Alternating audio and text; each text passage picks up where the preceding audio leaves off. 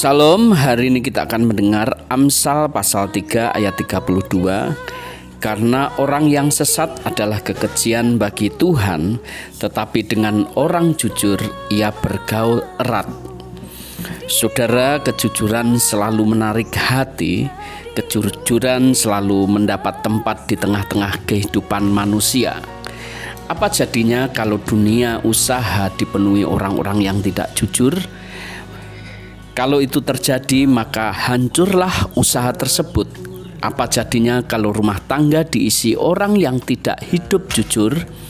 Maka akan banyak korban yang berjatuhan. Mulailah hari ini dengan sikap jujur.